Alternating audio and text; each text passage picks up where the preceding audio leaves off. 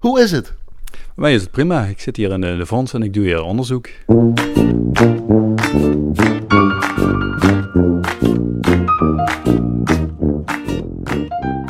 Een lid van het team van specialisten en archeologen die momenteel uitgebreid onderzoek doet naar de Romeinse villa in Voerendaal is specialist Romeins bouwkeramiek Twan Ernst.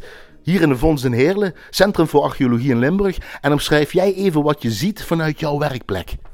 Nou, ik heb hier een best wel een luxe werkplek. Hier staan een aantal grote tafels waar ik materiaal op kan uh, verspreiden en uh, uitleggen. Maar ik word omringd door heel veel dozen waarin allerlei fondsmateriaal staat. Dozen, dozen, dozen, nog een keer dozen, nog een stapel dozen. Is dat allemaal Villa Voerendaal? Het meeste wat hier, ik denk dat uh, 90% wat hier staat is inderdaad Villa Voerendaal. En een deel ervan, daar zit bouwkeramiek in. Dat zijn een stuk of 20 dozen met bouwkeramiek. Maar hier staan een stuk of 100 dozen, zeg maar met vondstmateriaal van Voerendaal. En hoeveel zit daarin van vondst?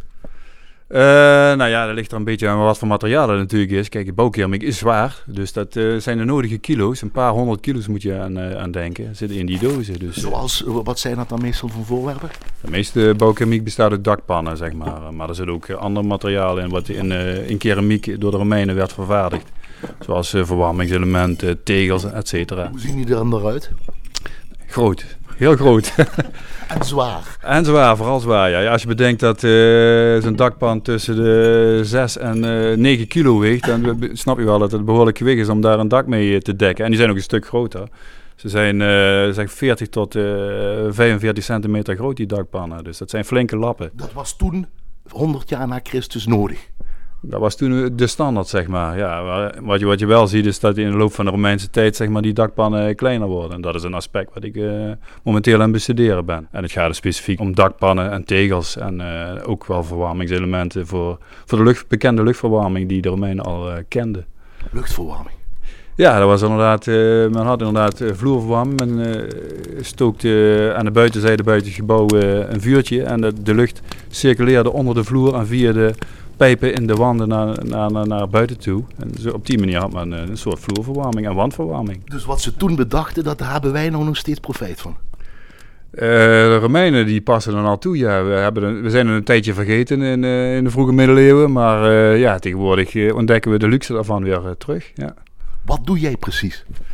Ja, wat ik probeer te achterhalen is uh, door beschrijven van het materiaal bepaalde kenmerken te noteren en daaruit af te leiden ja, waar het materiaal vandaan kwam, uh, waar het werd toegepast en wanneer het werd toegepast.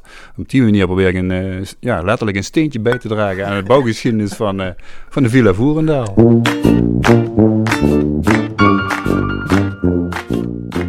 Ik zie ook meetapparaten, linealen, om een tijdsbeeld te krijgen, om een tijdslijn te krijgen. Ja, ik probeer in ieder geval wel het materiaal uh, in te delen in, in de periode dat, het, uh, dat de Villa Voerendaal in gebruik was, zeg maar. Dat is een hele lange periode. Ja, waarschijnlijk aan het einde van de eerste eeuw uh, is, heeft men daar die, die villa gebouwd. En die heeft, is waarschijnlijk tot, ja, zoals, zoals we op dit moment weten, zo ongeveer tot 300 na Christus in gebruik geweest. Dus bijna ja, 200 jaar, zeg maar, is daar door de Romeinen gewoond in een luxe villa. En dat is veranderd in al die jaren?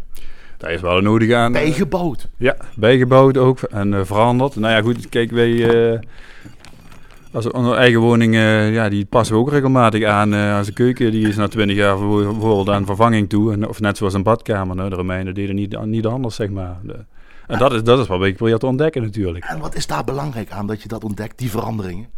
Uh, nou ja, het levert een, een, bijdrage aan de, aan de bouwgeschiedenis zeg maar, van, van het gebouw. Hoe is het gebruik? Uh, waar kwamen de materialen vandaan? Zien we daar veranderingen in? En dat probeer ik zeg maar, in mijn onderzoek te achterhalen. De bouwkeramiek die, die haalde men eigenlijk zeg maar, lokaal vaak. Gewoon omdat het materiaal ontzettend zwaar is. Dus men wilde daar gewoon niet te veel te lang mee reizen en aanslepen. Maar uh, ik heb het vermoeden dat het oudste battermateriaal toch iets verder weg kwam. En dat men in de loop van de Romeinse tijd, in de loop van die bewoning, dat men steeds meer uh, lokaal materiaal uh, aanvoerde. Welke plaats? Nou, ik denk dat je moet, bijvoorbeeld moet denken aan Brunsum Schinveld. nou, daar zit bepaalde klei, die kun je herkennen als je dat onderzoek doet. En ik, nou goed, het is vanaf Voerendaal een pakweg 6 tot 8 kilometer uh, in vogelvlucht. En, maar daar komt een deel van materiaal vandaan, ja. Dat is, dat is nu wel zeker. Dat moest met uh, paard en kar aangevoerd worden, ja. Daar was ook dan al bedrijvigheid? Ja, ja daar waren, lagen inderdaad ovens. Was, je moet denken gewoon aan kleinschalige productieeenheden. We werkten ook alleen maar in het seizoen. Hè. Zeg maar vanaf april tot oktober kon er uh, gebakken worden. Nou ja, wat, je, wat je ziet is dat die ovens vaak in de uh, lagen waar de klei aanwezig was, zeg maar. Dus men hoefde dan niet de klei naar die ovens aan te voeren. Men had dan al de grondstoffen bij, bij, direct bij de hand. En klei in natte vorm is gewoon veel zwaarder dan daarna het gebakken product. Dus het is gewoon een ja, e-, economische afweging, zeg maar. Gewoon efficiëntie. En hoe belangrijk was dan die Villa Voerendaal? Kun je dat ook dan uh, stapsgewijs dan aangeven?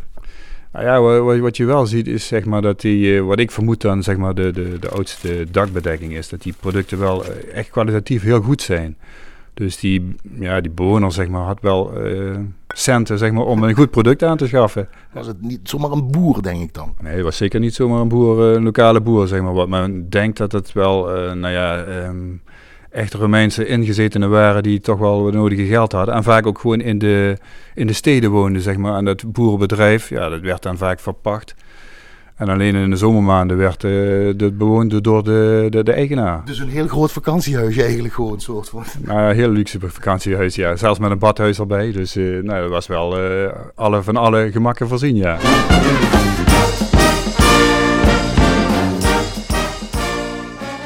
Je bent een van de vijf in Nederland die dit specialisme heeft. En het is pas 15 jaar dat deze specialisatie uh, Romeins bouwkeramiek bestaat. Het is nog zo vrij jong in de geschiedenis. Nou ja, dat, klopt inderdaad. Uh, kijk, het materiaal is gewoon, was, bij het verleden werd daar gewoon niet veel aandacht besteed. Het, het, ziet er eigenlijk niet uit, het is waar, je krijgt er vieze handen van. Alleen de interessante zaken, zoals stempels, die werden eruit gehaald en uh, de rest werd gewoon weggegooid. Nu weten we gewoon dat we daar veel meer gegevens uit kunnen afleiden, dus we moeten gewoon veel meer verzamelen. En zit dan nog steeds zoeken naar het ultieme stuk wat nog niet beschreven is in een boek en dat jij dat dan ontdekt hebt? Zou nou, dat kunnen? Nee, sterker nog, het is zo zelfs bij Voerendaal. Ik heb uh, een stuk een stuk gevonden wat, uh, nou ja, ik, ik kan daar geen vergelijkingsmateriaal elders voor vinden. Dus uh, ja, het is wel een uitdaging om te kijken of dat inderdaad een uniek stuk is of niet. Maak je op dat moment een sprongetje van ik heb nou iets gevonden, wauw. Ja, je gaat natuurlijk wel afvragen van hoe kan dat nou, waarom is dat, uh, wijkt dat af, zeg maar. En wat is de reden daarvan, zeg maar. En de laatste jaren is de kennis enorm toegenomen, dus misschien dat over 50 jaar we heel veel meer weten. En dat ik eigenlijk pas eigenlijk een beginneling ben.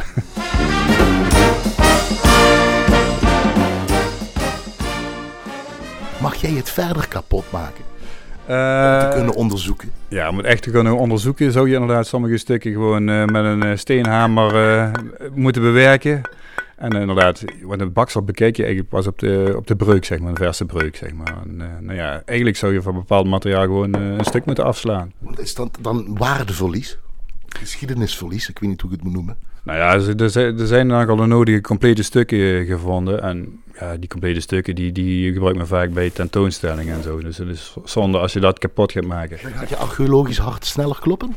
Ja, zeker. Ja, ja, ja. En, uh, dit was gewoon, ja, wat dat betreft, gewoon de rijkste uh, deel van, van, van Nederland op dat gebied. Die villas die lagen, lagen in het lusgebied. En dat strekt zich natuurlijk uit, naar, naar België en naar Duitsland, zeg maar. Dus je kijkt ook ja, in breder verband, zeg maar, naar de economie van dat gebied. Want die, die villa's die, eh, die, die functioneerden gewoon in een groter economisch systeem. Dat graan wat hier geproduceerd werd, ja, werd gewoon geëxporteerd naar, naar de Limes, zeg maar, naar de, naar de, de rijksgrens die bij de, de Rijn lag. Wanneer ben je tevreden met je werk?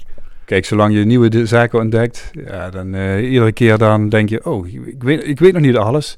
Dus we gaan gewoon uh, verder met bestudering van materiaal. En uh, ik zeg al, de, de, de nieuwsgierigheid is de prikkel, zeg maar, om dit onderzoek te doen. Waar is dat begonnen? Ja, dat is inderdaad een vraag die ik mezelf ook wel eens gesteld heb. En ik denk dat dat begonnen is toen ik een jaar of 14 was.